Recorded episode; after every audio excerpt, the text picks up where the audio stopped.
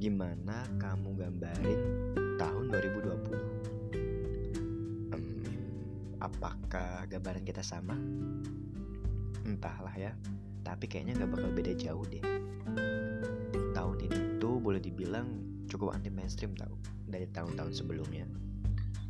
Berbagai macam peristiwa dan isu yang muncul selama tahun ini menegaskan keanti mainstreaman tahun 2020 Mulai dari awal tahun nih, kita udah disuguhi oleh fenomena yang sebenarnya udah gak asing sih bagi kita, yaitu banjir di Jakarta dan sekitarnya.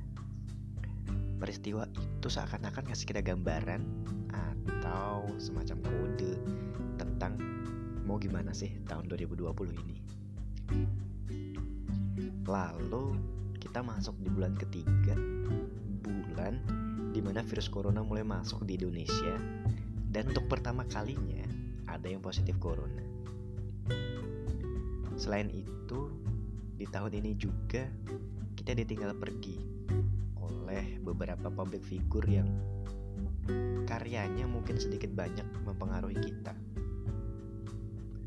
Mulai dari Glenn Fredly yang dengan suara khasnya, lalu pujaan Sobat Ambiar di Kempot, lalu suami dari BCL Ashraf Sinclair, hingga Chadwick Boseman dan yang lainnya. Berbagai peristiwa tersebut membuat kesan tahun 2020 menjadi cukup buruk bagi sebagian dari kita. Mungkin kamu juga termasuk. Kita kayak ngerasa tahun 2020 udah gak bisa lebih buruk dari ini. Fix, tolong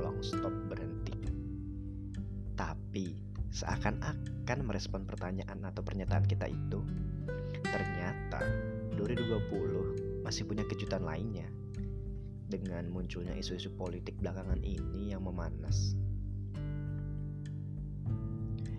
Akhirnya muncul deh pertanyaan-pertanyaan retoris kayak ini kapan sih tahun 2020 berakhir? Bisa dicepetin gak sih 2020?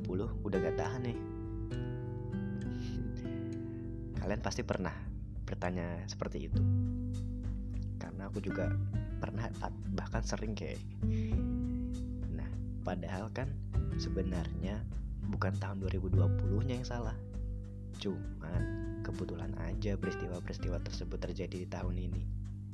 Lagi pula kalau kita berharap 2020 berakhir lebih cepat emang keadaan tahun depan bakal beda.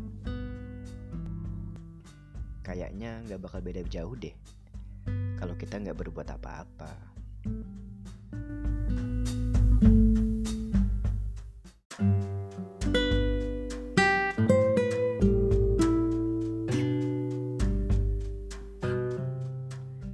Kita semua sepakat kalau tahun ini memang berat. Banyak hal yang harus menyesuaikan ulang, beradaptasi dengan keadaan. Padahal kan kecepatan adaptasi tiap orang itu bisa beda-beda ya. Cepet, ada juga yang butuh struggling lebih lama. Tapi nggak apa-apa. Selama kita mau berjuang, mau berusaha, kita bisa kok melewatinya.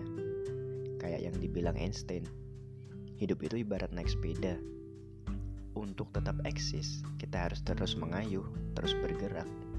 Juga mencontoh tokoh Dory di film Finding Nemo. Sekuat apa pun harus menerjang, harus menantang, kita harus terus berenang, terus berenang, terus berenang. Tapi kalau capek juga rehat sebentar gak apa-apa kok. Asal jangan terlena, karena tujuan sudah menunggu kita di depan sana akhir kata, selamat hari kesehatan mental sedunia kawan. Ingat, kamu nggak berjuang sendirian.